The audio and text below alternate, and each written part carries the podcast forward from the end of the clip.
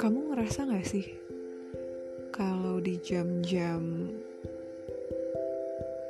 11 malam ke sana tuh kita lagi overthinking overthinkingnya mikirin banyak hal yang sebenarnya nggak perlu terlalu dipikirin.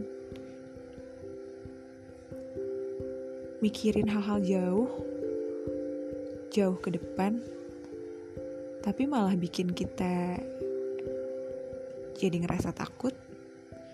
Takut buat ngelangkah.